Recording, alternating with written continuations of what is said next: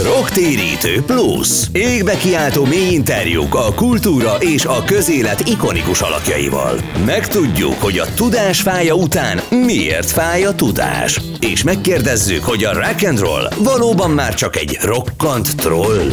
A szó nem száll el, és az írás is megmarad. Rocktérítő Plus. Pajor Tamás műsora a Spirit fm. Nagy szeretettel köszöntöm ismét a Rocktérítő Plus nézőit és hallgatóit, nézőit a podcast adásban, hallgatóit pedig a Spirit fm -en.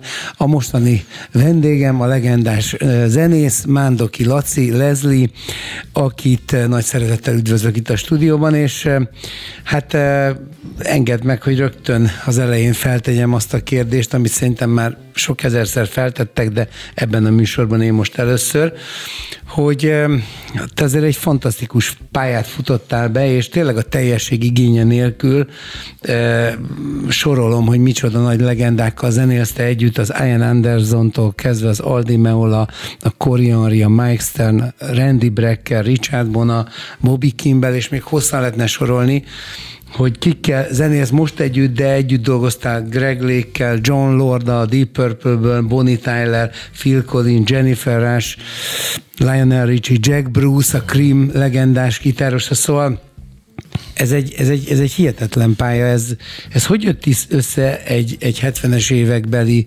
szocialista országból kivándorló menekültnek? Hát talán ehhez azt kell tudni a kedves hallgatónak, és Tamás nagyon szépen köszönöm a meghívást, hogy itt lehetek veletek. Én köszönöm. Nagyon ritkán vagyok Magyarországon, így, így egy nagy megtiszteltetés, hogy kicsit mélyebben belemehetünk ebbe a történetbe. Ez most erről szól. Miről is van szó? Én nem mentem el, hanem engem elzavartak. Nekem nem volt soha magyar útlevelem. Tehát nekem egészen nyilvánvalóan a diktatúra alatt a kommunista kulturális vezetés megmondta, hogy maga nem kap soha útlevelet Mándoki, és egy stúdiót belülről nem fog itt látni. És meg úgy éreztük, hogy az a zen, amit mi követünk, ez a prog rock, jazz rock, és volt egy elképzelésem, hogy az a British prog rockot, tehát ami a Csetotál mondjuk szimbolizál, tehát ebben rengeteg volt a King Crimson-től a Greg még. Um, a Pink Floyd, tehát egy ilyen széles körre volt az, a, a, a korai Genesisről beszélünk, Selling Gun by the Pond, szóval van egy, van egy sok um, ilyen Világos, ismerjük ezt program. a világot, így van. És nekem az volt az elképzelésem, hogy én nagyon azért akarok csinálni a bandámon, és ezt is csináltuk, ami ilyen progrok, de viszont én teljesen oda voltam a, a jazz rock, ami szerintem egy New Yorki dolog volt. Um, filigrán, szolisztikus, uh, billions, ez a virtuózitás, ez igen, igen. Mondom, mondom, ezt össze kellene ötvözni valahogy. Mert az amerikai jazz rocknak nem volt igazán mondani valója, nem volt meg az a komplexitása. Igen, igen. Se harmonailag, um, zenek egy, um, szóval nem, ne, hiányzott nekem az, amit megtaláltam a British uh, prog rockban, viszont ott meg hiányoztak ezek a um, Eldi Meolák nekem, az a, az a virtuóz szólisták is. Ezért már 16-17 éves koromban ez volt az elképzelésem, hogy ezt ötvözni kéne. Hm. És amikor ez világos lett számunkra, hogy... Ez hogy... egy eredeti meglátás, én ezt így nem gondoltam volna végig, de jó, nagyon jó. Hát képzeld el egy Genesis egy virtuóz gitárossal. Ugye? Igen, Mert, igen, igen, igen, vagy, igen, világos. Jó, én, én vágom, értem. Te, teljesen máshol vagyunk. Vagy, tehát és mondjuk voltak, akik ebbe belenyúltak, Greg Lake barátom, aki a, a, azért szállt ki a King Crimson-ból, és csináltak az Amazon Lake Palmert, mert a, mert a Keith Amazon egy év virtuóz játékos volt, szóval én nem voltam egyedül, de, de ez, ezen dolgoztunk, és úgy éreztem, hogy nekem e, itt ezen az asztalon, amit a Szörényi Levente a Bruni Jánossal felépítettek, meg, meg a Szorán, meg a Mekiék, itt volt egy asztal, amit az előttem lévő generáció megépített, és ott nekem a legfontosabb a Sirius volt. Még aztán rákfogó. És aztán láttam azt, hogy, hogy ez a banda hogy lett tönkretéve, és láttam Igen. azt, hogy velem hogy bánnak. Szóval évtizedekkel később megvolt az a nagy megtiszteltetés számomra, hogy összebarátkoztam Mihály Szergevics Kolpacsovval, aki egyszerűen elmesélte, hogy, hogy a, a, az ő párt kulturális és a cenzúrát irányító részlegében ez el lett döntve, hogy a progresszív rock, és a, tehát a prog rock és a jazz rock azt, azt teljesen írtani kell. Tehát ez egy... És erre mit mondta? Mit mondta, hogy miért lett ez elhatározva? Hát azt mondta, hogy, hogy, ez, hogy ez az elit, tehát a következő akadémikus, uh-huh. urbánus generációnak a zenéje, Aha. és hogy ez a szabadságnak, a polgári szabadságnak, az individuális szabadságnak volt a zenéje. Hát igaza van, ez így tényleg így van, ezért kellett ezt eltaposni, és azt mondta, hogy amikor a perestroikát és a gláznost komolyan beindította, akart egy szignált adni a világnak, és ezért megjelent a Melódia című szovjet állami állami lemezcégnél a Csetrotálnak az Aqualung című albuma. és ezzel akarta demonstrálni, hogy ők ezt komolyan veszik. Úgyhogy én ebben a tulajdonképpen közegben nőttem föl, és az én nagy tanítómestereim a Szakcsilakatos Béla volt, és a Sirius, és így ebbe belenőve láttam, és ők vittek engem fel a színpadra, tehát a, a Rádió Misi, a Pataki Laci, vagy Jack, Orszánszki Zseki játszott a Mándoki trióba, ugye a szakcsi fedezett felgyakorlatnám. Igen, ez egy nagyon szép gesztus volt a koncerteden, de erre majd még visszatérünk, hogy hogy amikor följött a szakcsillakatos Béla és, és a, a Richard Bona, meg a Mike Stern ilyen leesett állal nézték ahogy a játékát e, a szakcsinak, és akkor ugye te úgy mutattad be őt, hogy tényleg a zenei atyamestered, és egy nagyon meghit, meghit és megindító pillanat volt, és, és egy nagy büszkeség volt az, hogy egy, hogy egy ilyen magyar zenei zseni a, a, a világ leg, legjobb jazzzenészeihez képest is valami pluszt ad. Hogy, hát az óriási erdő a király. Hát, és ez, ez hogy az a próbán, hát lejött a Bemrakbartra a próbára szakcsi, és hát ott, ott, ott, ott, ott komolyan, egész komolyan Richard Bona oda ment, és azt figyelj, ez, ez valami egyedülálló, és ott, ott álltak ezek, és, és megköszönték nekem, hogy, hogy, hogy én mindig meséltem róla. Ne, és uh-huh. mondta, hogy Charlie, meg a szakcsi. Tehát Charles nagyon otthonosan mozgott, tehát följött, és, és hirtelen mindenki csak kísérő zenészé visszafokozta magát, mert hát ugye ezek profik, akik bármi egy hangot is tudnak játszani, ha kell, és, és, és így lett egy nagyon koherens produkció. Charlie meg olyan otthonosan mozgott, mintha minden nap ezt csinálna, de hát csinálta is egy időben. Hát a, a szakcsiról beszélgettünk, és akkor a Charlie úgy jött be, hogy én a 70. születésnapjára Charlie-nak azt ajándékoztam, hogy meghívtuk őt New Yorkba a Grammy koncertünkre, a Begin Theatre-be, ahol a Rolling mm. Stones film, a Shine a Light, ott csinálta a Scorsese, és elvittük erre a, a legendás koncertünkre. Azért nekünk is olyan mindennapi dolog, hogy a Grammy meg, meghív minket. Igen, igen. Hogy, Világos, persze. Mondjuk ez, ez volt a 70. születésnapja az ajándék, hogy és Charlie barátom, gyere velünk. Úgyhogy ott már New Yorkba összemelegedett a banda vele, úgyhogy most is egy ilyen viszontlátás volt. Ja, ja, ja, ja akkor ezt lehetett érezni, igen, ja. igen. Úgyhogy ez, ez nekem fontos, én most azért 1975 óta járom a világot, és az amerikai és a német, az angol, vagy a közönség a tenyérén volt, az nem azt jelenti, vagy a kínai, hogy, hogy nem mindent azt mondom, mert ez így van, hogy én egy pesti srác vagyok, és a magyarság az nem egy téli kabát, amit tavasszal betesz az ember a szekrénybe, hanem az a, ezért aztán... Jó, de még nem válaszoltál arra a kérdésre, hogy, hogy kimentél diszidensként a 70-es években, és azért ez, ez amit összehoztál, ez, ez a világon sehol sem egyszerű, és, vagy, vagy szinte egy csoda kategória, de egy, egy olyan kapitalista világban, ahol azért valljuk be úgy kezdődik az élet, hogy, hogy mennyire el és söprögest fel a gyár előtti részt, és hogyha nagyon jó söprögetsz, akkor, akkor kapsz még egy plusz 20 dollárt érte.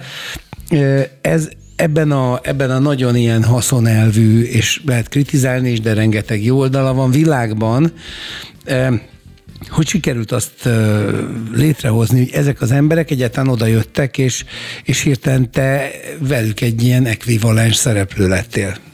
Hát ezt két úton, vagy három úton kell elindítani a választ. Az első az, amikor a menekült táborra meg, megérkeztünk, akkor meg, az ember politikai menedékjogot kért, és az egy nyolc oldalas ív volt, amit nem én töltöttem ki, hanem az a, a hivatalnok, aki kvázi felvette az adataimat. Ez természetesen mind amerikaiak voltak, akkor ez a CIA-től volt, és azok odafigyeltek arra, hogy a menekültek nyelvén tudjanak a, ezek a, a állami alkalmazottak beszélni, az enyém az egy ohájói magyar gyerek volt második uh-huh. generáció, és akkor szépen fölírta az összes adatot, és akkor a nyolcadik oldalon volt egy ilyen egy harmad oldal kihagyva, hogy oda be lehessen így egy golyóstól, hát akkor még analóg világ volt, hogy mit akar a, a menekült majd itt csinálni. És én mondtam, hogy szeretnék az Ian Anderson, a, a csatatából, a Jack Bruce-val, a Creamből, és az Ernie Meolával a muzsikán, és ezt így fölírta. És amikor a német első csatorna csinált egy dokumentumfilmet az életemről, akkor elmentek ebbe a menekült táborba, és ezt lefilmezték, hogy az, le, meg is találták egyébként ezt az amerikai hogy gondolom. Csupa Gábor ült mellettem, és őt is megkérdezték, hogy ő mit akar, és mondta, hogy megy Hollywoodba, és csinál egy filmstúdiót, és aztán az ő első világsikere volt a Simpsons a Tehát ez, az ez első, egy jó merítés volt. Ez, ez volt az első, tehát hogy volt egy eltökélt tervünk. Aztán másik, hogy senki nem vált ránk természetesen. Tehát ez a, ez a gyár előtt való söprögetés, ez teljesen helyén áll ez a gondolat. Tehát ez úgy nézett ki nálam egész konkrétan, hogy az, az első hat hónapban 150 uh, márkából írt a Laca meg én, és, és, és minden uh, uh, sarkon mi játszottunk, tehát azt jelenti, hogy én például a, a, olyan, mint a Déli Színház, a Svárban, utazó színházba doboltam, délelőtt stúdióba, és akkor az első hat hónap után nagyon jó hangszereink voltak már, uh-huh. arra gyűjtöttünk, és akkor megérkeztünk Münchenbe. Egy, egy lerobbant Volkswagen busz, 380 ezer kilométer volt benne, de a legjobb hangszerek voltak benne. És akkor um, felhívtam a Klaus Doldinget, aki egy szlovéniai Bledi Jazz Fesztiválon meg volt a telefonszáma, aki a, akkor a Atya Úristene volt a, a német jazzrocknak, és a, kvázi a Reportnak volt a német megfelelője, és akkor mondom, Klaus, emlékszel erre a hosszú hajú dobos fiúra, akire mondtad, hogy ha egyszer Münchenbe járok, akkor hívjanak fel? Azt mondja, persze, ez, és mit csinálom? Kijöttünk egy alagúton keresztül, és most itt vagyunk, és, és nem tudjuk, hogy mit csináljunk magunkkal. Erre azt mondja, figyelj, hol vagy? Mondtam, hol vagyok, hát akkor még telefonfülke volt, nem mobiltelefonozás, akkor oda jött, és uh, három órával később, és négy oldalba fölírt az összes stúdiónak a címet, tehát akkor München volt, London, New York és Los Angeles után a negyedik legnagyobb rockváros, ott volt a Deep Purple, a Rolling Stones, a Queen, ott, ott volt a Donna Summer, hát rengeteg minden történt Münchenben, és akkor elvitt, kézen fogott, és elvitt három-négy olyan helyre, ami gyerekek, hallgassátok meg a srácokat, és az a söprögetés, az teljesen jó a kép, amit mondasz a gyáron, hogy le kellett ülni és játszani.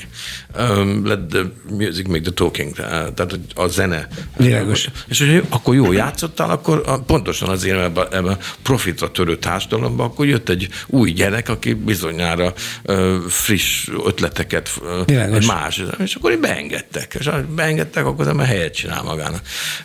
És akkor így, így eltelt egy-két év, akkor volt egy kis baki, mert véletlenül popstar lettem, ami nem így volt tervezve, akkor az, az, az Na jó, azért, azért ezt egy kicsit árnyalad, mert azért véletlenül nem lesz popstar senki. De, de, de, de, de, de, gyerekek, de, mert ez úgy történt, hogy... Figyelj, nekem nyugodtan bevallhatod az egészet, mert, mert én, én, számomra, én nekem totál belefér a Genghis Khan is, szóval nem, nekem ez nem, nem ciki, mert, mert tudom azt, hogy egy, olyat is nagyon nehéz megcsinálni. Tehát, hogy Persze, ezt nyilván nem, nekem se az a szívem csücske, de meg, meg nem a zene ízlésem, de, de, de, de baromi nehéz azt elérni, hogy egy, hogy egy, egy ilyen kommerciális szerű produkcióból tényleg egy, egy világhírű dal legyen. Ez, ez, ez más, nem feltétlenül zenei teljesítmény, hanem inkább egy, egy kereskedelmi siker, na de azt is nagyon nehéz megcsinálni. Hát nem, ez, ez egy tényleg mesebeli történet. Én ott, ott stúdió zenészként nyomultam, és minden, sok híres felvételen játszottam, és úgy éreztem, hogy most eljött az ideje, hogy legyen egy mándoki album. Ez 78 végén volt és csináltam úgynevezett démokat, amit egy éjszaka úgy valahogy össze, akkor nem lehetett otthon még csinálni semmit, tehát nem volt semmi. Persze. És akkor az ember ilyen démó kazettákkal ment a lemezcégekhez, és én is elmentem ehhez a lemezcéghez, aki aztán később a Genghis Khan csinálta, és azt mondták, hogy ez nagyon jó, amit csinálok, és felajánlottak egy szerződést az első rock lemezemre, és akkor az 79-ben jött volna ki. És pokoli büszke voltam, és ez csak bejött az vezérigazgatójának a, a labelnek, ennek a lemezcégnek, aki te producer is volt, egy híres slágerproducer, és bejött, hogy, hogy leénekelném -e ezt a nótát.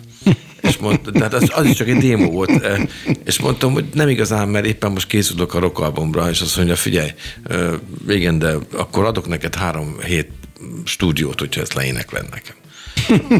És azt mondta, hogy Grand Prix. De Grand Prix ez nekem egy ilyen autóverseny volt. Ugye? Igen, nem, igen. Nem, semmi. És akkor mondtam, jó, hát nem igazán. De akkor, és akkor színpadon is énekelni, mondom, azt azért nem igazán. De ott, mert úgy, hát, mit tudom, mint táncolni, mondom, ne, zenész nem táncol, hát ez nem. Ezt te jól tudod, ezt, ezt, ezt, nem. Úgyhogy ez így, így, így történt, de viszont ha, már csinálom, akkor megcsinálom rendesen. És hát ott még nem volt Genghis Khan, azt, azt a nótát gatyába kellett rázni. Világos, Na most ez egy ilyen kézműves munka, hogy egy Persze. ilyen popnotát rendesen gatyába rázni. Persze, hát azt ugyanolyan nehéz megcsinálni. Persze, és hát utána én, én, kéz, én akkor abból éltem, hogy zenei kézműves voltam, tehát a gatyába ráztam a nótát, tehát megírtam hozzá a hangszerrel, és meg, megcsináltam az egészet. Én, én meg én imádtam a stúdióban lenni 20 órát egy nap, 8 napot egy héten, úgyhogy meg gatyába ráztam.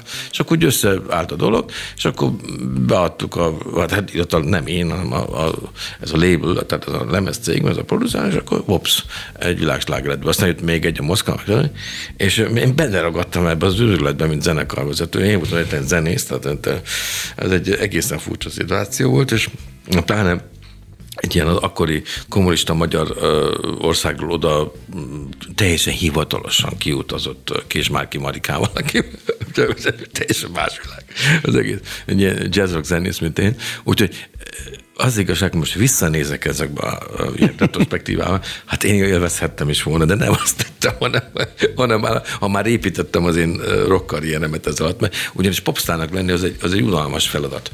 Az, az négy-öt nap munka egy hónapban, csak egy gondom volt, hogy mindenki azt hitte, hogy én milliómos vagyok ebből a dologban, pedig nem. Ott, ott valaki más. De, Világos, tehát még ugye az első volt. Persze, úgyhogy, úgyhogy én ezt, ott, ott, ezt le kellett nyelni, ezt, hogy mindenki azt hiszi, mert egyébként a többiek is a Genghis azt hitték, csak nem, nem fogták fel, mi történik velük.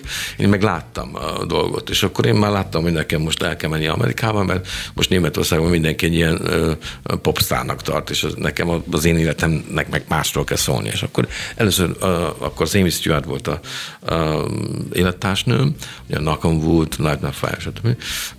És akkor először Londonba mentem át, és ott, ott összejöttem a Cutting Crew-val, meg a Ultravox, a, a Nick Kershaw-val, a, a, a Howard Jones-szal, tehát az egész 80-as évek. Igen, igen, igen. Szálkivel. Máig is mindenkivel együtt dolgozom, még már. Igen, igen. a barátságok, és akkor úgy éreztem, most, most át kell menjek New Yorkba, és átmentem New Yorkba, és akkor ott, ott, ott csak a Kánál kezdődött az életem. És akkor visszamentem meg, megtartottam a lakásomat, és akkor fedeztem fel Jennifer Rush-t, de egy, egy klubba. És akkor másnap bevittem a stúdióba, de ez a label, akinél akkor még exkluzív voltam, ez mondta, hogy ez nem jó. Hát mondom, gyerekek, hát hogy nem halljátok, hogy a Jennifer Ásból valami óriási lett, aztán az is lett, az egy életre szóló barátság. Jó. Aztán visszamentem New Yorkba, és akkor, akkor volt ez a, Detroit időszakom, amikor a Temptation, meg a, a, tehát az Anthony Jacksonon keresztül, meg a Victor Bailey keresztül bekerültem ebbe a Afro-American zenei szférába, ebből jött ki aztán a Lionel Richie produkció, ebből nőtt ki, és akkor mentem át Los Angelesbe, a Csupó Gáborhoz, és akkor lettem zeneigazgató a Disney-nél. És akkor ebből jött aztán a Phil collins a Tarzan, meg a Brother Bear. Csak közben én elkezdett honvágyam lenni Európa felén, szóval és úgy éreztem, hogy akkor úgy, megtaláltam a páromat, és úgy éreztem, hogy a gyerekeket nem akarom, hogy amerikaiak szülessenek, és akkor így építettem egy nagy stúdiót a Stambergi tónál, akkor, és akkor mindenki úgy érezte a német és az amerikai szakmában, hogy meg kell óvni engem ettől a szőrülettől, hogy ott építek egy nagy stúdiót, de aztán mondtam mindenkinek, hogy semmi gond, én tudom, mit csinálok, és akkor az, az első album volt a Liner Ridge, aztán a második volt a Collins album, aztán csak a Khan, aztán megcsináltuk a Joshua Caddison, Jesse Paints the Pictures, ami egy americana album volt, és akkor kezdett úgy kilakolni bennem, hogy akkor az egész Detroit, tehát a Motown dolga, ugye ez Motortown, az, azt a része az életemnek, hogy a Lionel Richie-vel, aztán az egész angol része az életemnek, és, és akkor úgy éreztem 31 évvel ezelőtt, hogy most elérkezett az a pillanat, hogy az Ian Andersonnal, a Jack Bruce-szal, meg az Eldi Maolával úgy a menekült táboron mondtam, hogy ezekkel most össze kell állnunk, és meg kell csinálni a vándoki bandát. És így, így, így állt az eredeti felállást, amit... amit Jó, de figyelj, e, e, ja, nyilván ez, ezeket, amiket elmondta, ezek már olyan szakmai referenciák voltak, hogy ezek után már tulajdonképpen adta magát ez a fajta kapcsolatrendszer, de azért hogy történt, hogy mit tudom, fölhívtad őket, vagy megkérte egy menedzsert, vagy, vagy mi volt a konkrét? Ez a konkrét, az is egy kicsit mesebeli, úgy történt, hogy, hogy kiírtam, nekem a stúdióban mindig ilyen, ilyen táblák vannak, ilyen nagy fehér táblák, amire fölírom az aktuális terveimet, és, és mondtam, akkor Ian Anderson, Jack Bruce, Eddie Maola, David Clayton Thomas, Bobby Kimball, és aztán a jazzisták Randy and Michael Brecker, Mike Stearns, szóval így, így fölírtam magamnak. Um, hát akkor még senkit nem ismertem ebből a bandából, de viszont mindenkivel valamikor találkoztam valamelyik stúdióban. Tehát az Anthony Jacksonnal játszottam, uh-huh. és vele már kialakult egy jó barátság, voltam nála többször Hálembe, és mondta, hogy hát nagyon szerette, hogy én dobolok, de még más nem volt, csak az, hogy a világ egyik legnagyobb basszusgitáros, ő a legtöbb Grammy albumon ő játszik, a Paul Simons-től, a, a, a Steely Danig, a, a Bee Gees-től, a, a Herbie Hancockig, a Chick Corea, szóval egyik leg, legnagyobb basszistája a világnak, és nála láttam a legnagyobb Bartók gyűjt, Bakelit gyűjteményt, ugye Bakelit nevezem. És akkor az Anthony Jackson volt az első ilyen, ilyen New Yorki pillére az egésznek, és akkor felhívtam az Anthony-t, mondom, te figyelj, meg szeretek is megkedni az Eldi Maolával. Azt mondja, gyere át, összehozok egy vacsorát. Azt mondja, én csináltam az utolsó albumát, én akkor így összejöttem az Eldi Maolával, összebarátkoztunk, egy 31 éves intenzív barátság, de, de olyan, hogy most Thanksgiving-et együtt ünnepeltük most New Yorkba. Tehát ez egy ilyen, egy ilyen intenzív barátság kialakult, és van vele olyan, olyan egy, egy teljesen ürült szokásunk. Um, esős New Yorki éjszakában hallgatjuk az ő új dolgait, démoit, esős éjszakában, Münchenben megint csak a kocsiba tekerjük éjjel háromkor az utcákat, és hallgatjuk az én dolgaimat. Ez minden évben kétszer-háromszor megcsinálják. Tehát nem csak a színpadon, meg a stúdióban. Akkor az ilyen Anderson, aki az egyik legfontosabb barátom az életben, vele úgy volt, hogy fölhívtam az ő koncertszervezőjét akkor, ahogy mondtad, hogy volt egy bizonyos státuszom, tehát igen, akkor, igen. akkor mondom, figyelj, nekem ez egy régi álmom, én azt már menekültában mondtam, hogy, hogy ha Münchenben koncertezik az én, akkor szeretnék a backstage-en vele találkozni, és akkor megszervezték, és akkor bemutattak, és akkor hát szimpatikusak voltunk egymás, hogy életre szóló mély kötelék, talán egyik legmélyebb kötelék, ami van. És aztán ez így ment tovább, hogy a, a, felhívtam a Frank Fánián barátomat, aki a Bonnie M-nek uh-huh. a producer, mondtam, hogy te nálad volt a Bobby Kimball, azt mondja, mindig, hogy volt, tehát még itt van a vendégségben. Azt mondja, itt van egy pár napig Épicán, akkor gyere le, aztán is megegyre.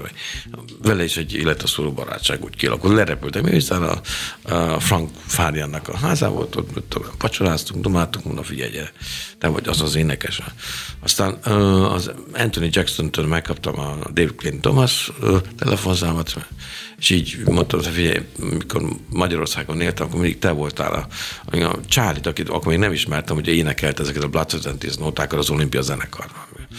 Akkor 16 éves voltam, és akkor csókoloztam először életemben egy ilyen What goes up? Mondom, figyelj, nekem meg kell is megkenni.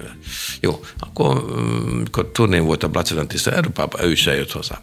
És akkor, de most ez még mindig nem volt egy zenekar. Tehát itt, itt kialakultak talán a 33 éve körül ezek a mondjuk egy bilaterálisan, tehát hogy az ilyen uh-huh. Andersonnal meg.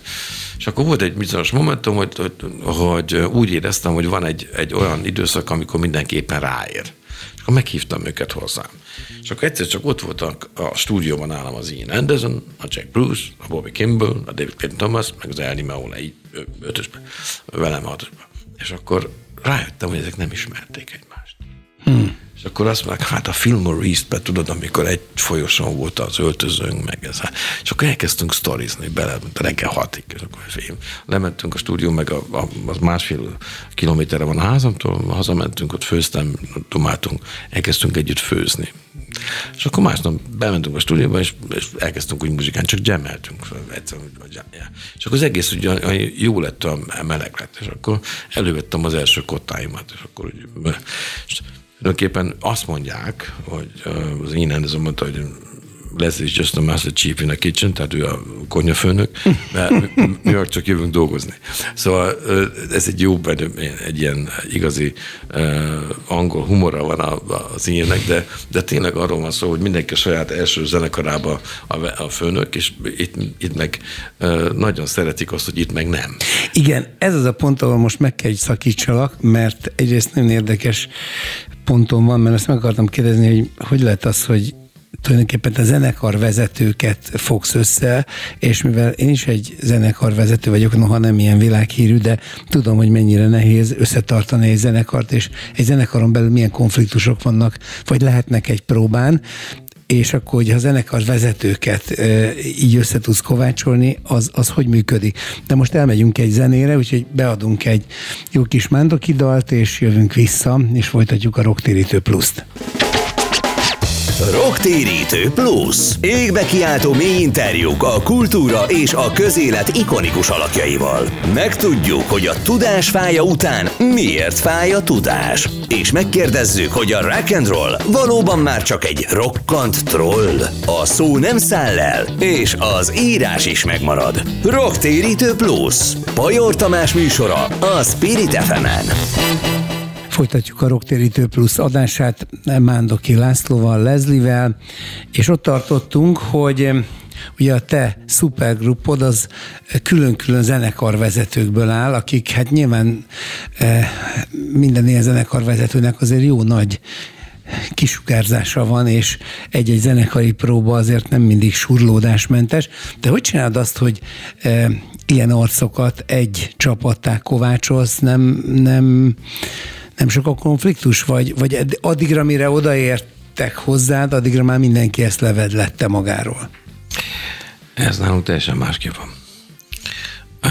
Sose volt több mint 30 évvel csináljuk együtt, egyetlen alkalommal nem volt ilyen súrlódás, mindenki pokoli alázattal szolgálja a zenét. És pont azért, mert mindenki zenevezető tudja, hogy a zenének egyenlensége van, az az egománia.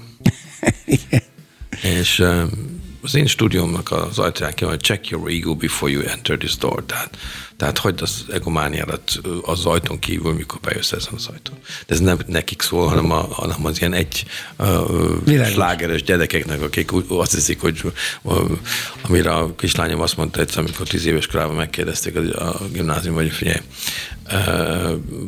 hogy van az, amikor az édesapádnál nem a világsztárok vannak itt a Stambegittónál, hanem mások, az mik, mik mi van, és a newcomerek, és azok, hát hogy képzeljük el, kérdezik talán az iskolában.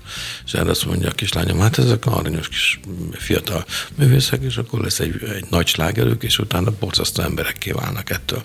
És erre azt mondja, hát ez szörnyű. Azt mondja, ne, ne, nem kell. Adni kell neki két-három évet, és akkor már térden csúszva jönnek vissza, és könyörögnek egy comeback amire általában az édesapám nemet mond. Na most, és, és ezt nem véletlen mesélem el ezt a történetet. Tehát vannak, akik elhivatottságból szolgálják a zenét, és alázattal vannak a, a, a közönséggel szemben. Ilyen az Ian Anderson, ilyen a David Clayton Thomas, ilyen a Bobby Kimball, ilyen a Jack Bruce, ilyen a Jack Bruce, uh, ilyen az Ernie alatt. Tehát, és akkor nincs égó a stúdióban, hanem szolgáljuk a zenét. Tehát alázattal. És um, éppen ezért soha nem volt még egy pici zsúlódás sem, de én, én elküldtem a kottákat időben, régen faxon, most természetesen már jó ideje, ez egyszerűbb, akkor még postán el kellett írni aznap valamelyik hotelba, ahol turném voltak egy, egy kazettának, vagy technikailag sok minden leegyszerűsödött, hogy, de még máig is úgy van, hogy ezt analóg veszük fel, együtt veszük fel, hogy találunk egy kéthetes periódus, amikor el tudnak jönni hozzám. És akkor utómunka. Nincs utómunka, mert az analóg technológia az kizárja az utómunkát gyakorlatilag. Hát azért, azért lehet Jó, hát keverjük, de hát, de hát ja. tudod, a 24 sáv az 24 sáv. Világos. És, ja, és ja, ennek ja, van egy hat, hatalmas előnye, ugyanis nem tudsz munkát csinálni. Tehát... Igen, hát olyan fajta digitális ja. műveleteket nem, persze. Ez mondjuk inkább úgy, hogy a közönségünknek, aki most minket hallgat, és nem szakmabeli, mint te meg én, Igen. az úgy, úgy mondanám, hogy ma, manapság egy szerelmes levél helyett általában egy SMS-t küldenek. Na most e, ez a mizennénk az egy olyan, olyan szerelmes levél, amit az ember töltött túl egy papír. Ez egy levél. A Igen, de egyébként, egyébként ugye ezek olyan szintű zenészek, hogy itt e, e, szóval az utómunkának nincs is igazából fontossága, mert, mert, mert szóval nem nagyon, szóval nincs, nincs hibás hang, maximum stilisztikai különbségek vannak, hogy még lehetne Nincs, nincs, azok sincsenek igazán. De a, a, az igazi ö, csoda ebbe a zenekarba az, hogy itt általában first take, tehát az első nekifutásra vannak fölül a dolgok. Tehát, tehát vannak olyan... Um, Mondjuk ez, ennek a zenének a jellegéből is fakad, mert rengetegben az improvizatív elem. Igen, de viszont az bizonyos keretek közé van téve. Tehát, Persze, nyilván. És hát például Bartok, ugye, hogyha most már átérhetünk erre, mert ez is egy nagyon lényeges ellen, főleg a, a legutóbbi lemezet kapcsán, ugye ott, ott, ott, ott nyilván a fő témák eleve megadták az adott dalnak a, az alap hangját, és az improvizáció ehhez képest következett.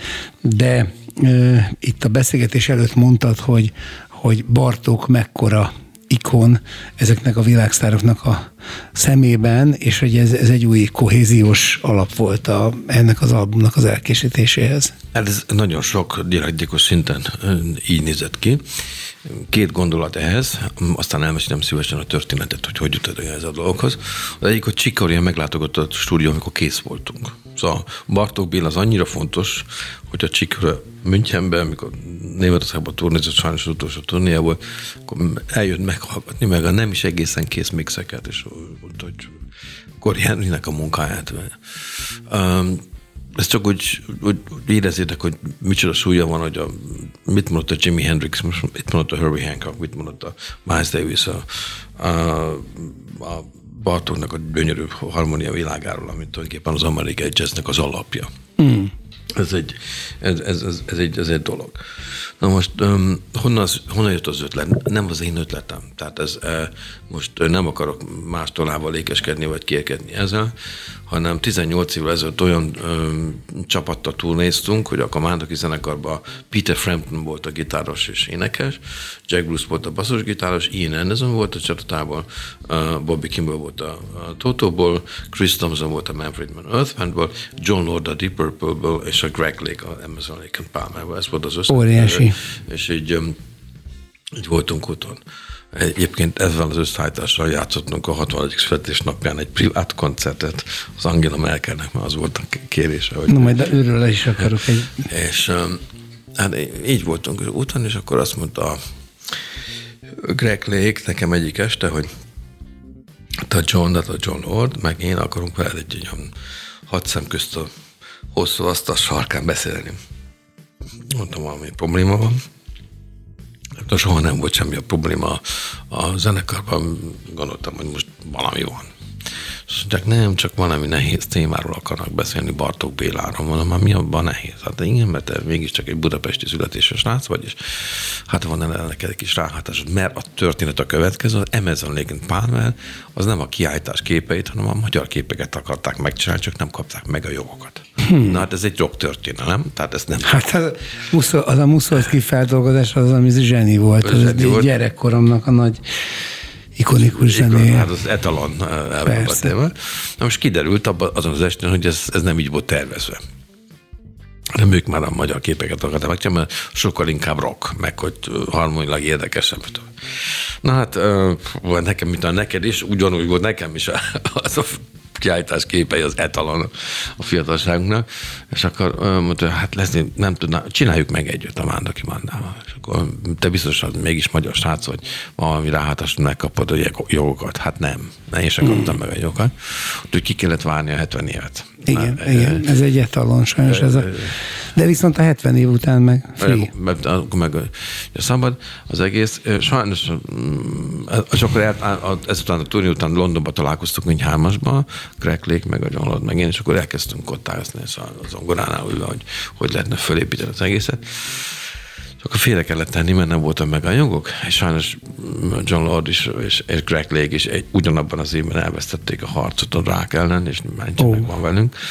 De hát ez, ez, meg, ez egy íratlan törvény volt, hogy ezt meg fogjuk csinálni, amit, amit lehet, és most így, így alakult, hogy, hogy most eljött az ideje, mert lehetett is, és eljött az ideje ennek, hogy neki fogjunk, és um, hogy a, a magyar, és miért? Mert uh, mindannyian tudjuk, Bartók hit abban, hogy a, a feltörekvő fasizmus ellen a zene az egy, az egy fegyver. Mert a music is the greatest unifier. Az, a, a zene az emberségé. És ebben hit, hogy az zenében megvan ez az erő, hogy ez, ez, ezt a szörnyű... Tudod, mi az érdekes? Hadd szúrjak be egy gondolatot ezen a ponton, ezt már máskor is mondtam egy rocktérítő plusz interjú kapcsán, de ide nagyon kívánkozik hogy biztos ismered azt a zseniális német filmet, hogy mások élete. Ugye oh. több Oszkárt is kapott, yeah. első filmes nagyszerű rendező.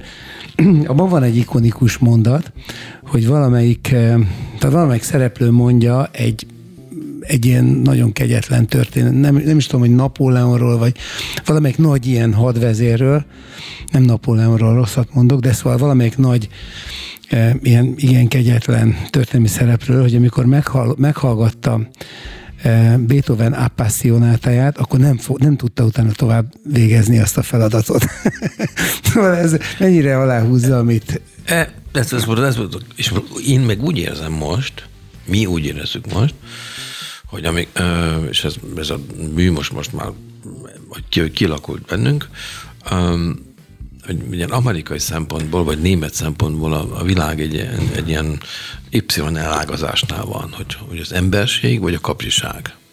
Ez, ez egy ilyen, hogy visszatérünk arra, hogy a, az a barát, aki veled egy-egy sört me, megiszik, akkor, hogyha a feleséged éppen elhagyott, vagy rossz híred van a orvostól, vagy pedig az a barát, aki a Facebookon bejelölte a kutyás fotódat. Tudod? Szóval, szóval ez ilyen, hogy a kapcsiság felé indul, megyünk tovább, és közben bejött ez a világjárvány. Ez, ez, ez egy ilyen karakterteszt. De egy pillanat. Te ezekről sokat beszélsz a mostani szövegeidben, amit majd szeretnék egy kicsit elemezgetni, de maradjunk ennél a pontnál, hogy, hogy a fasizmust hogyan szorítja vissza a zene, a művészet azért eh, nyilván a fasizmus az a, az, az egyik legszélsőség, vagy a legszélsőségesebb politikai... Civilizációs törés. Civilizációs törés. Na de oda el kellett jutni, és tulajdonképpen a kontroll nélküli hatalom koncentráció. Na de ha a hatalom, ha a politika a hatalomért folytatott harc, de a demokráciában ennek vannak ellensúlyai, és ezért nem tud totalizálódni, attól még maga a politikus, a politikusi természet az mindig a hatalomra tör, és a hatalmat akarja amennyire lehet kimaxolni, jelen esetben a nyugati világban a demokrácia keretein belül. És te nagyon sok ilyen vezető politikussal ápolsz jó kapcsolatot, amivel semmi probléma nincs, csak ezt te például, és ezek nagyon távol állnak a fasizmustól, meg nyilván minden hasonló gonoszságtól, na de akkor is politikusok, akkor is érdekérvényesítő, kőkemény, könyöklő emberek, meg különben nem lehetnének ott. Szóval te ezt hogy, hogy eh, hozod egy világba a, azt a művészi identitást, amely harcol a hatalom ilyen törtető volt ellen, és a politikusokkal való barátkozást. Hát mondjuk itt a zene hozott össze a sok politikussal. Tehát, az már egy jó alap. Tehát mondjuk aktuálisan ilyen napi kapcsolatban Christian Lindnerrel, aki a, a szabad demokratáknak a párt elnöke Németországban és a aktuális pénzügyminiszter az új kormányban. Régi jó barátság köt össze, és aktuálisan beszélgetünk a, a, a társadalmi történésekről. És engem mindig érnek ilyen nagy megtiszteltetések például, hogy a, van egy, egy az német első csatornának egy ilyen tradicionális műsora, úgy az új évkor szokták leadni, a szószéki beszéd. Hát, és ez egy templomba, egy nagy templomában Münchennek, van, ahol a szószékről beszél az államelnök, a kancellárnő, híres írók, mindig minden évben valakit fölkérnek. És akkor pár évvel ezelőtt engem kértek fel. És akkor kérték a manuskriptet, hogy, hogy, hogy, hogy miről fog másfél órát beszélni, és mondtam, hogy az nincsen. A társadalomnak az aktuális helyzetéről, és pont a kapcsiságról. Tehát itt meg is arról beszéltem, hogy, a, hogy beszorulunk ebbe a komfortzónába, ebbe a, visszakamrába ebbe a, a, a, ez egy, egy ilyen eltorzult a, a, szűrő a, buborék, amiben belekerülünk a közösségi médiák által, mert mindenki csak a saját véleményét hallja vissza, és a vita nem, már nem ott történik a társadalom közepén, hanem a szélére kerül, ami nagyon ez, veszélyes. Ez teljesen egyetértek, na de e, a Facebook, meg a különböző közösségi oldalak csak a technológiai eszközt biztosítják Olyan. ehhez, a passzát szelet viszont azért a politikusok fújják, hiszen egy mondjuk egy jobboldali pártvezérnek az az érdeke, hogy, hogy az emberek minél rosszabbnak lássák a másik oldalt, és minél jobbnak az ő oldalát, és fordítva, vice versa. Ez pedig eh, pontosan azt a megosztottságot és párbeszéd képtelenséget növeli, amit te magad is kárhoztatsz. Hát azért is hívják az egyik nótát így, hogy Living in a Gap, tehát a végigveszed. Igen, na erről külön akartam beszélni. Végigveszed a Tumult című Turn the Wind, és én arról beszélek ezek, ezekben a nótákban, hogy például Young Rebels and, Old Rebels, tehát hogy, hogy mi a, a régi hippi lázadók, meg, meg a fiatal lázadók. És itt egyszerűen arról van szó, hogy csak két esélye van a világnak. Vagy visszatérünk arra, hogy a, hogy a, a munkánk, amit te meg én, amit a, akik minket hallgatnak, a családunk, a barátság, egy ilyen, egy ilyen emberi, emberséges társadalmi formához, és e, és tényleg visszautasítsuk ezt a kapsi, csak nyereségre törő, egománikus világképet. Mondjuk egy, egy számot, hogy, hogy a hallgatóink érezzék, hogy, hogy minek megyünk mi művészeknek. Nyugodtan, nyugodtan. Most a tavalyi évben, tehát um, 2021-ben a legsikeresebb 25 spekuláns, tehát hazárdőr, aki arra fogad, hogy te meg én munkanélkül legyek, és sok millió, azok 32 milliárd dollárt osztottak el 25-en. Tehát az volt, mert a világjárvány vészterhes idejében arra fogadtak, hogy melyik cég megy majd tönkre, mennyi, hány millió munkanélkül lesz Amerikában. És ez, ez egy szörnyű folyamat, és akkor be, beszorulunk ez, ezbe a közösségi média dologba, és, és egyszerűen a, a szellemi vita, az intellektuális vita elmarad. Ez, ez, ez, egy, ez egy borzasztó, nem? mert mindig csak arról beszélünk, hogy, hogy a másik milyen rossz, ahelyett, hogy arról próbálnánk beszélni, hogy mi, mi a megoldás. És ezért szerintem a művészeknek a feladata most ugyanolyan fontos, mint az a, a 70-es évek, vagy mondjuk a 60-es évek végén, 70-es évek közepén második felében volt. A progresszív rock az ezért született meg, hogy egy, egy, egy társadalom, Woodstock, tehát ezért írom ezeket a dalokat, hogy Old Rebels, tehát a Woodstocki generáció, amiben én belenőttem, mint kis kölyök, és a fiatalok, mint az én gyermekeim, mert hogy állok én a gyermekek előtt egyszer, és, és hogyha most az lett volna a kérdés, hogy hogy született meg ez az album, ennek két ö, vetülete volt. Az egyik az, hogy a Greg Lake-nek, az Amazon Lake, a és John Lord-nak a Deep Purple ez volt az ötlete, és ezt természetesen meg akartam csinálni. A másik vonulat meg az volt, hogy um, meghívtak a Grammy-re, ezt már említettem a Charlie-val kapcsolatosan, és New Yorkban játszottunk, és a, a, a New Yorki média fejtetején volt. Mindenki gyönyörű dolgokat írt a koncertről, hét vissza volt, és valami csodálatos volt, standing ovation, nagyon, és úgy éreztem, hogy tulajdonképpen most abban is lehetne hagyni, mert ennél tovább nem lehet menni, tudod, az, hogy, az, hogy tényleg, és akkor nekem, mint valamikor illegális bevándorlónak Nyugat-Európában, egy menekültnek, ott, ott ilyen elviccelte a, a, a New Yorki második polgármester a, a német nagykövettel, meg a magyar nagykövettel, hogy most amerikai vagyok, vagy német vagyok, vagy magyar vagyok, ez aranyos, aranyos volt, ugye. És akkor elmentem a gyerekekkel Los Angelesbe, Topangában, a régi hippi részéből a Los Angelesnek, és a Van Morrisonnak a házát kibereltük három hétre, és, és a gyerekek elkezdték egészen komolyan feszegetni ezt a, ezt a generációs szerződést, hogy, hogy milyen állapotba adjuk egyszer a világot nekik a kezükbe. Erről született a Torch című dal, ugye, ami az egészet. A, a felelősségvállalása következő generáció. Talán mi vagyunk az első generáció, aki háború nélkül rosszabb állapotba fogja a világot átadni a gyerekeinek. És ez, ez, ez olyan természetes ezt látni, hogy a, hogy a természetet kihasználtuk, és nem, nem a teremtésnek megfelelően bántunk a, a természettel. Ez egy dolog de hát az emberséggel megfelelően bántunk, vagy, vagy nem, ez az egész kapcsiság, ez a kaszinókapitalizmus, ami már nem arról szól, hogy, hogy kitalálok egy terméket, arra építek egy gyárat, és akkor a, aki ezt kitalálta, az gazdagabb lesz, mint aki ott az, Igen, de egyébként szerinted... Hanem arra, abból leszünk gazdagok, hogy fogadunk arra, hogy azt tönkre megy. Világos, de, de szerinted, ha már ilyen politika elméleti kérdésnél tartunk, szerinted elképzelhető más kapitalizmus, és ezt én nem úgy kérdezem, mint aki a szocializmus híve lennék, hanem, hanem én, az, én, én az Isten királyságának vagyok a híve, mert szerintem földi megoldás ebben nincsen, mert éppenséggel nem látok más logikát. Tehát, hogyha a tőke ugye az optimalizáció miatt elkezd koncentrálódni, egyre, egyre inkább kevesebbek kezébe kerül, egyre nagyobb pénz, és ennél fogva, ennél nagyobb hatalom, sőt, ennél fogva politika mozgató tényező is, akkor ez szükségszerűen vezet el ahhoz a monopolizált kapitalizmushoz, amit te magad is most elítélsz. Tehát, hogy eh, az még rendben van, hogy veszek egy gitárt, veszek egy stúdiót, aztán jól megy, bővítem a stúdiót, eddig a szép történet. Na de és nem a stúdióból vezet persze, hanem más ágazatokból, de érted, mit mondok, hogy, hogy akkor hogy kerülhető ki ez a csapda szerinted?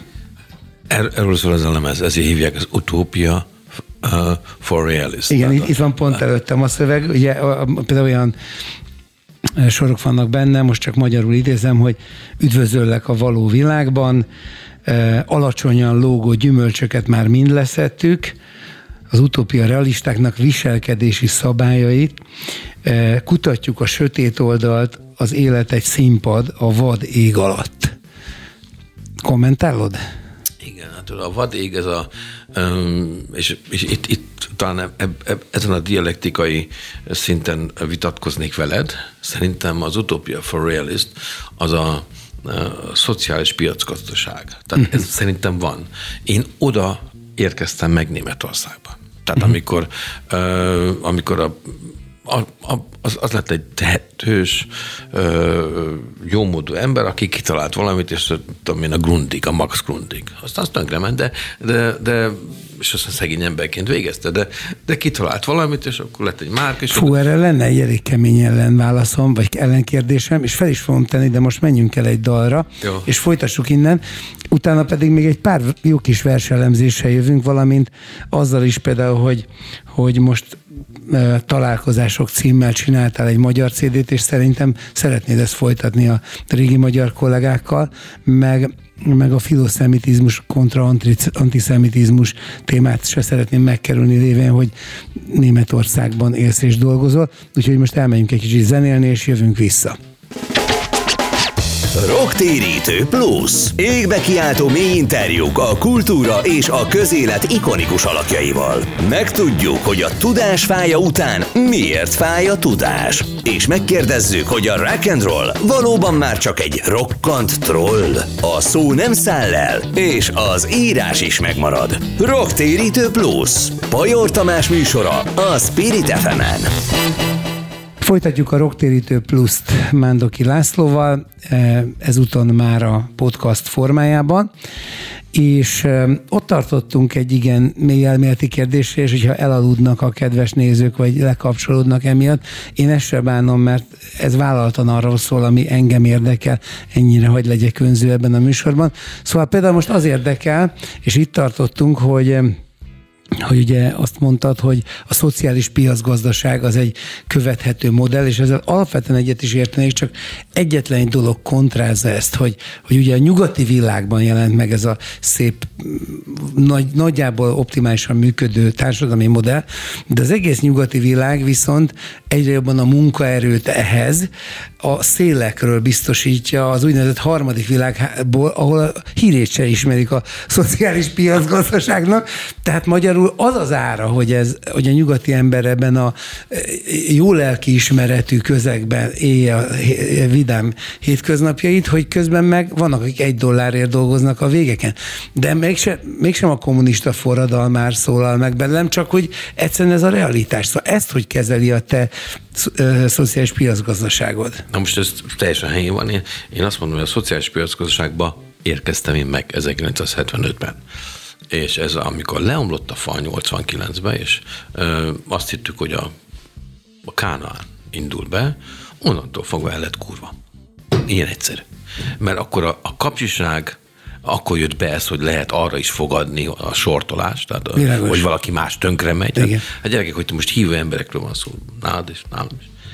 Hát az, az milyen etikai ilyen erkölcsi alap, hogy te abból akarsz pénzt keresni, és ez addig nem volt legális. De, de Biztos akar... nem olvasták Max Webernek a Protestáns etika és a kapitalizmus című, vagy nem ismerik ezt az alapgondolatot, sokan ma már, de Ja, értem. Hát... Ezt feladták a szociál... Tehát, tehát, tehát lássuk azt, hogy nyugat abban a mámorban, hogy a harmadik világháború egy lövés nélkül e, meg lett nyerve, tegyük ezt, Igen. E, e, ennek az lett a vége, ahelyett, hogy az egész világ egy felélegzett volna, és minden csak a, a szabadság, és, és, és ez a szociális piacgazdaság, mint a legemberibb lehetőség, ezt szét lett tiporva a szociális piacon, és ma, nagyon kevés olyan politikus van, azt mondja, aki azt mondja, hogy, hogy ki kell szállni ebből a kaszinókapitalizmusból, vissza kell menni a család, a munka és, és a nemzet. Egyébként az egyik legnagyobb filozófus a, a szociáldemokratáknak Németországban, múlt héten megjelent egy könyvet, szociáldemokrat, tehát a vörös szociáldemokrat megjelent egy könyvet, hogy a nemzeti állam az a, az, az, az egység, ami, aki még döntést tud hozni. Tehát Klaus von Doknányi.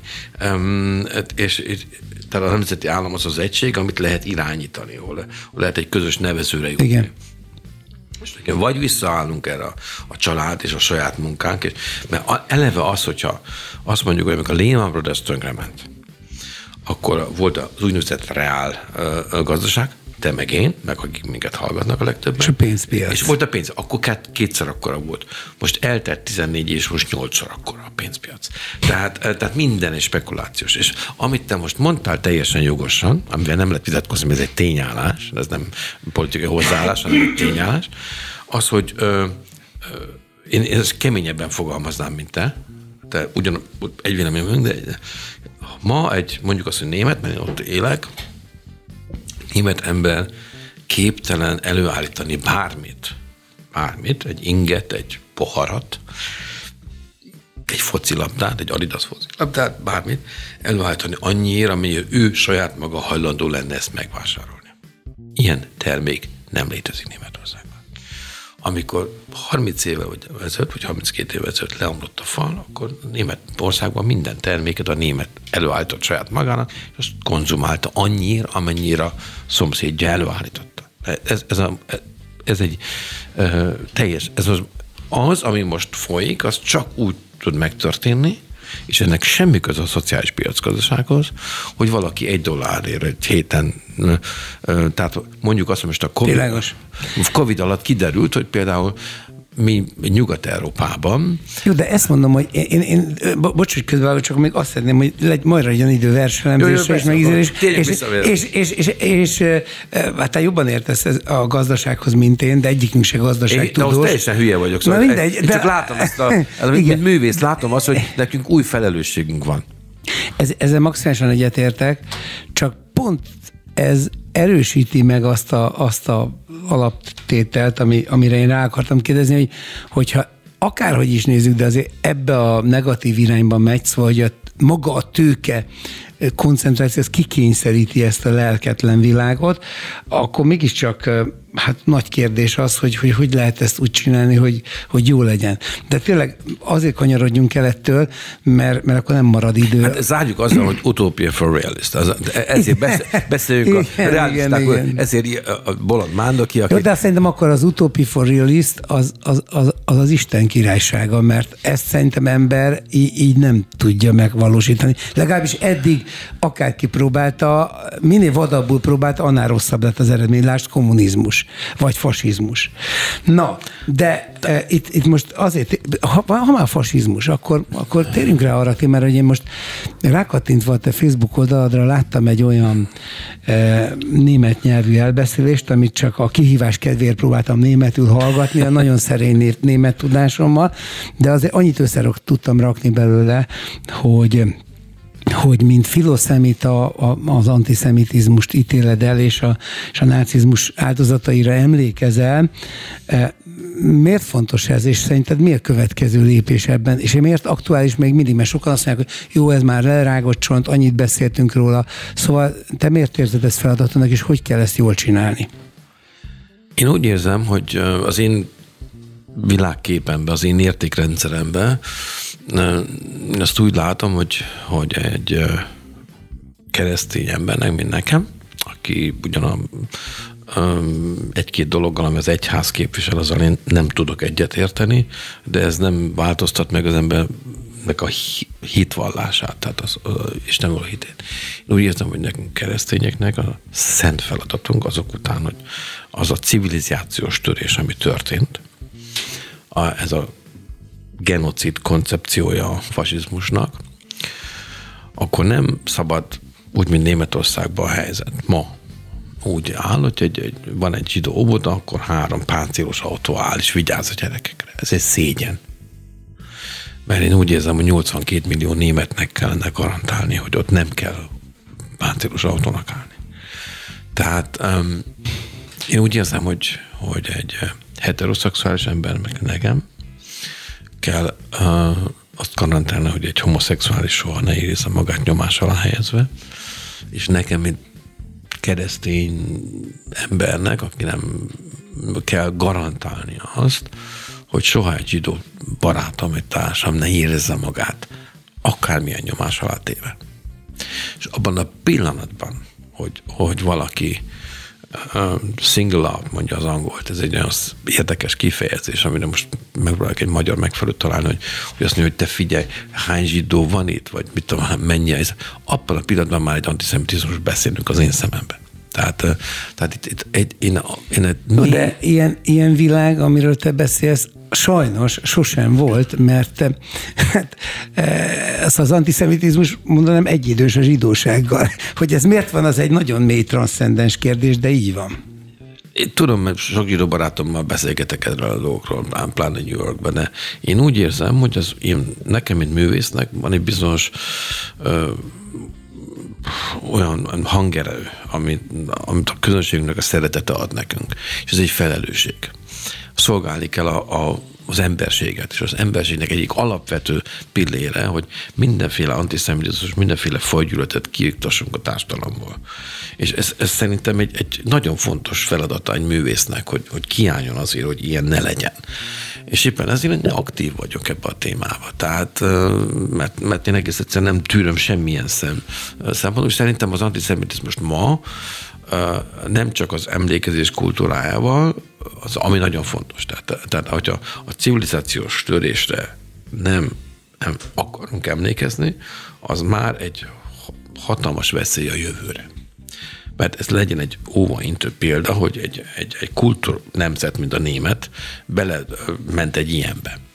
És ebben, ebben, ezzel kapcsolatosan a Vánzé konferencia náló történt dokumentumfilm talán az egyik legfontosabb, mert akkor tényleg ott, ott már nem a döntéshozók ültek együtt, hanem az állami alkalmazottak, akik csak megbeszélték, hogy hogy lehet ezt a, a, a legprecízebben megoldani. Igen.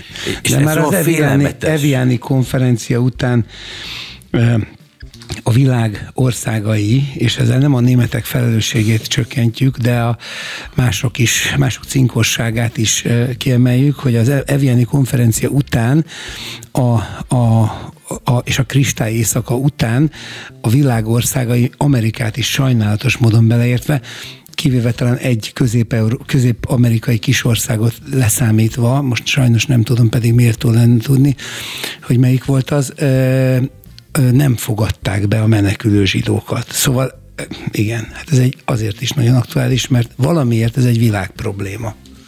És én meg úgy érzem, hogyha ezzel nem azt a hangerőt, amit mi ajándékba kaptunk tiszteletből a mi közönségünktől, nem használjuk fel arra, hogy a világból egy jobb világot teremtsünk, mint zenészek, akkor, akkor nem tiszteltük a közösségünket azzal a szeretettel, mint amit tőlük kaptunk.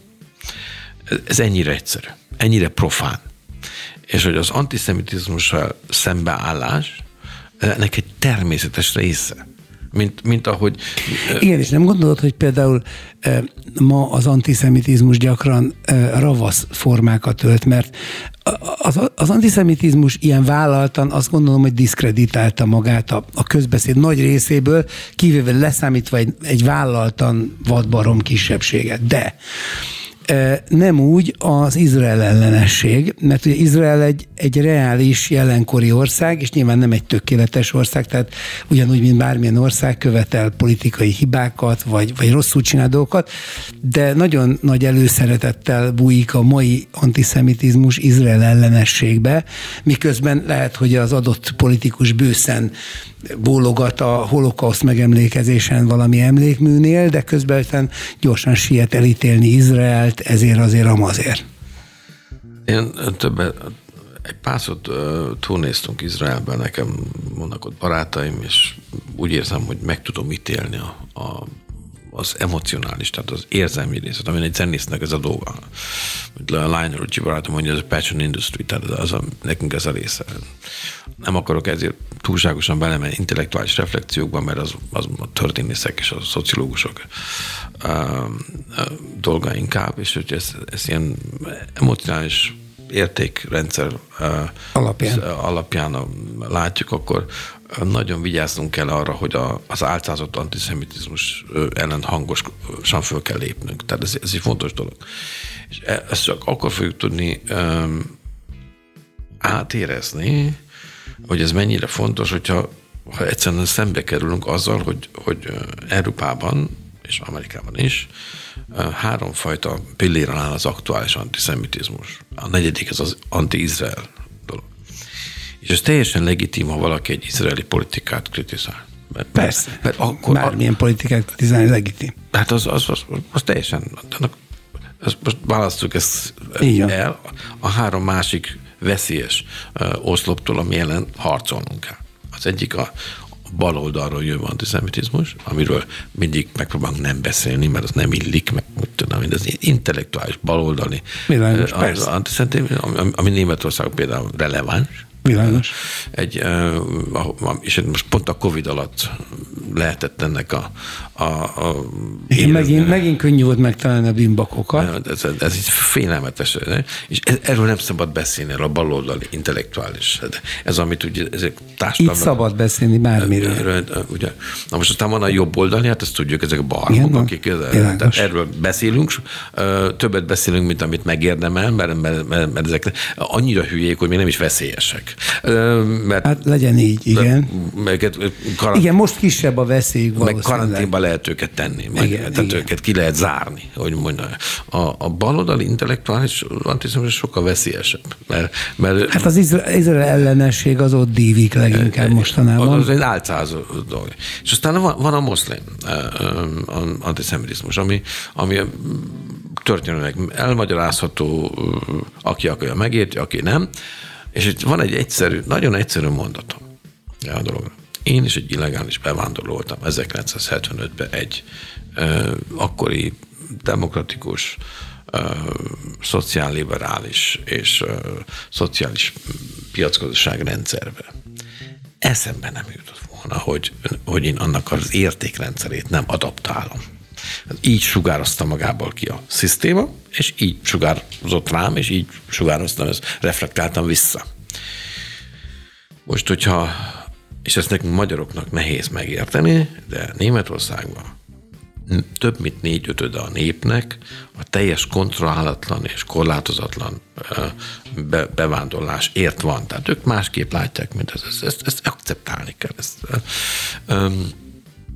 és viszont azt is realizálnunk kell, hogy a, a a welcome culture, tehát ebben, hogy, hogy Isten hozott titeket befogadói. gyerekek, befogadói kultúrába, a németek nem involválták azt, hogy elmagyarázzuk, hogy itt a női egyenjogúságról van szó, hogy itt nincs homofóbiának, és antiszemitizmusnak egyáltalán egy négyzetmilliméter helye se. Na most ez nem az a tragédia, hogyha valaki egy antiszemita közegből jön hozzánk, hogy az ott eljött hozzánk, hanem az a tragédia, hogy mi nem mondjuk meg neki, hogy ez most végem. Abban a pillanatban, amikor az első zsömlét megkaptad a a, a menekültárba itt gyerekek más. Hát jó, de ennek, ennek, nem lehet így véget vetni. Én borzasztóan sajnálom, hogy minden témában csak bele tudunk kezdeni, de ugye az idő az egy viszonylag objektív mérőszám alapján működik, és még azt szeretném, hogy legyen szó például arról is, hogy, hogy itt van ez a Találkozások című albumod, amit még a 90-es években csináltál a, a, a régi nagy magyar legendákkal, és úgy tudom, hogy valami folytatást tervezel, ez hogy lesz, és mikor, és kikkel. Hát igen, még visszamegyünk a szöveganalízisekre. És, és, és arra is vissza kéne menni, úgyhogy nem is tudom, hogy... Úgyhogy Itt van előttem a Living, Living in a Gap, ami, ami, ami egy nagyon nagy uh, hook, nagyon nagy bemondás, és, és hát tulajdonképpen azt festi le, amiről eddig is amit eddig is többször érintettünk, hogy, hogy, hogy echo chambers, bubble, tehát hogy vízhangkamrákban, buborékokban és szakadékban élünk manapság, de Szóval hol van, hol, hol van az, ami kipukkasztja a buborékot, vagy híd a szakadék fölött? Tehát tudom, hogy a zene, de, de úgy való, valóságban, mert, mert úgy, úgy, hát például téged is nagyon sokan kritizálnak, e, és, és kategorizálni akarnak a, a, a politikai vagy világnézeti szerepvállalásod miatt. E, nekik mit üzensz? milyen hidat építesz, vagy az ő buborékukat, vagy akár a sajátodat, hogy szúrod ki? Én ezt úgy érzem, hogy a társadalom egy olyan irányba megy, hogy egyre inkább fekete-fehér. És a diskurzus, ami a legfontosabb, elmenjünk egy este, sörözünk egyet, és, és akkor érezzük azt, hogyha valaki az ellenkezőjét mondja, mint amit mi mondunk, az nem az ellenség. Pontosan. Az egy srác, aki más véleménye van. És akkor majd megbeszéljük. Na most ez a világpolitikában ugyanúgy van, mint a, a, a személyes kapcsolatban. A világ rossz úton halad. Tehát most például mi Nyugat-Európa és Amerika eltökéltük, hogy a Putyin mindenképpen a kínai karjába akarjuk hajtani. Ez nagyon bölcs, hát marha jó. Erre mondanám, hogy gyerekek, mi lenne, hogy a Stravinsky, Dostoyevsky, Eisenstein egy kicsit foglalkozunk a témával, csak kicsit szélesebb. Tehát ez a művészetnek van egy, egy szerepe a társadalomban. Abszolút. Az, az nem, nem egy ilyen, és akkor nem, nekünk magyaroknak megvan a licencünk a russzofóbiára. Az elég sok szörnyűséget tettek. De ez, ez nem azt jelenti, hogy a Stravinsky-t, meg a Dostoyevsky-t, meg az Einstein nem kell eh, élveznünk, és nem kell megítélnünk, hogy ott bizonyos dolgok másképp vannak. Na most ugyanígy az személyes sem. Tehát, hogy, hogy én nagyon sajnálom azokat az embereket, akik be akarják a másikat tenni egy ilyen bizonyos kategorizálásba.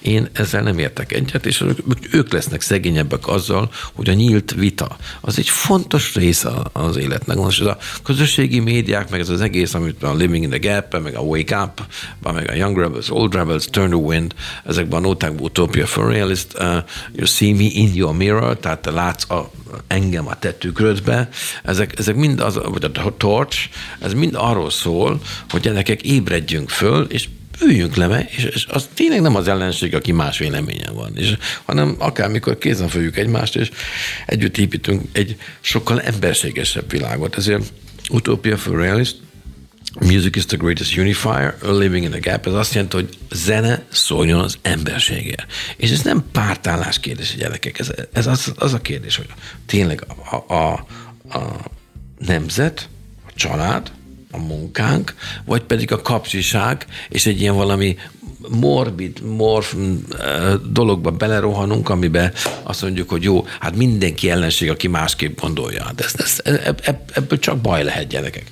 És éppen ezért azt mondom, hogy, hogy, hogy térjünk vissza arra a civilizált diszkózusra, ahol akár mikor egy jó este után két órát elbeszélget az ember, és azt mondja, figyelj, hát mik az alapvető emberi értékek, az, hogy, hogy fellépünk a fai megkülönböztetés ellen, hogy, hogy a női egyenjogúság. Szóval De, tulajdonképpen egy, egy, egy szóra lebontva a, a, már sajnálatos módon a közbeszéd közhelyesítette, de akkor is ez az egy szó marad, a szeretet.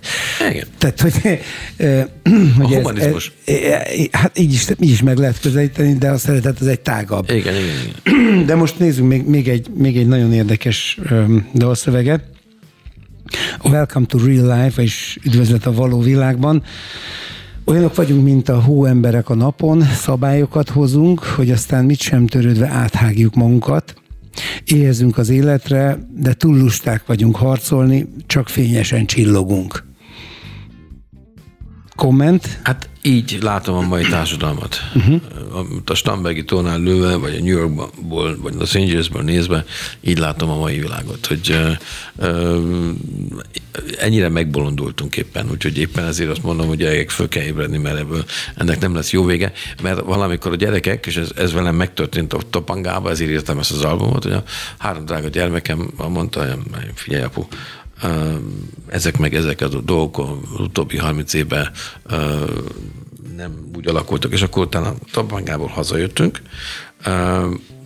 volt egy két hetem, amikor a stúdióban megint ilyen, ilyen napi 20 órákat csináltam, amiket csinálni kellett, filmzenéket, és indultunk a kínai turnéra, és akkor, amikor annak vége lett volna, ültem hátul egy kicsit, mert bóbiskolva a limuzinba, a pekingi, a beijingi repülőtér felé, megszólt a telefonom, a fiam volt. Azt mondja, apu, csak hogy tudjad, két és fél tonna fölösleges dolgot kidobattam a stúdióból, itt van 16 munkás is átalakítjuk az egészet, kicseréltük ezt meg azt meg. Négy alkalmazottat elbocsájtottam, négy mást fölvettem. Jó humorérzéke van a srácnak. És mond, ezt mondtam, hogy jó, jó vicc, fiacskám, 12 éve otthon vagyok, mindjárt a repülőtéren vagyok. Aztán, apu, ez nem vicc volt, ez így van, és te nem jössz most haza, de mondod, itt már 15 percre vagyok a repülőtéren. Igen, csak egy másik terminálban leszel, mert én E, most mész Báliba, ott, ott béreltem neked egy strandházat, és ott van már minden, ami kell, e, és most, most levettem az iPad-edről, meg a, a, a laptopodról, meg a telefonodról az összes e-mailt, és most megírod ezt az albumot, amit, amiről hogy beszélünk. Úgyhogy ezt tulajdonképpen a gyerekek prüszkölték ki, úgyhogy ez nekik szól, mert uh, tulajdonképpen az, az övék ez a világ, és hogy a, a teremtésnek a nyomán csinál akarunk bánni ezzel a világgal, akkor ezeket az értékeket nem dobjuk tűzre, amiket tulajdonképpen a mi antikommunizmusunk, a mi harcunk a, egy emberséges társadalomért kialakított bennünk.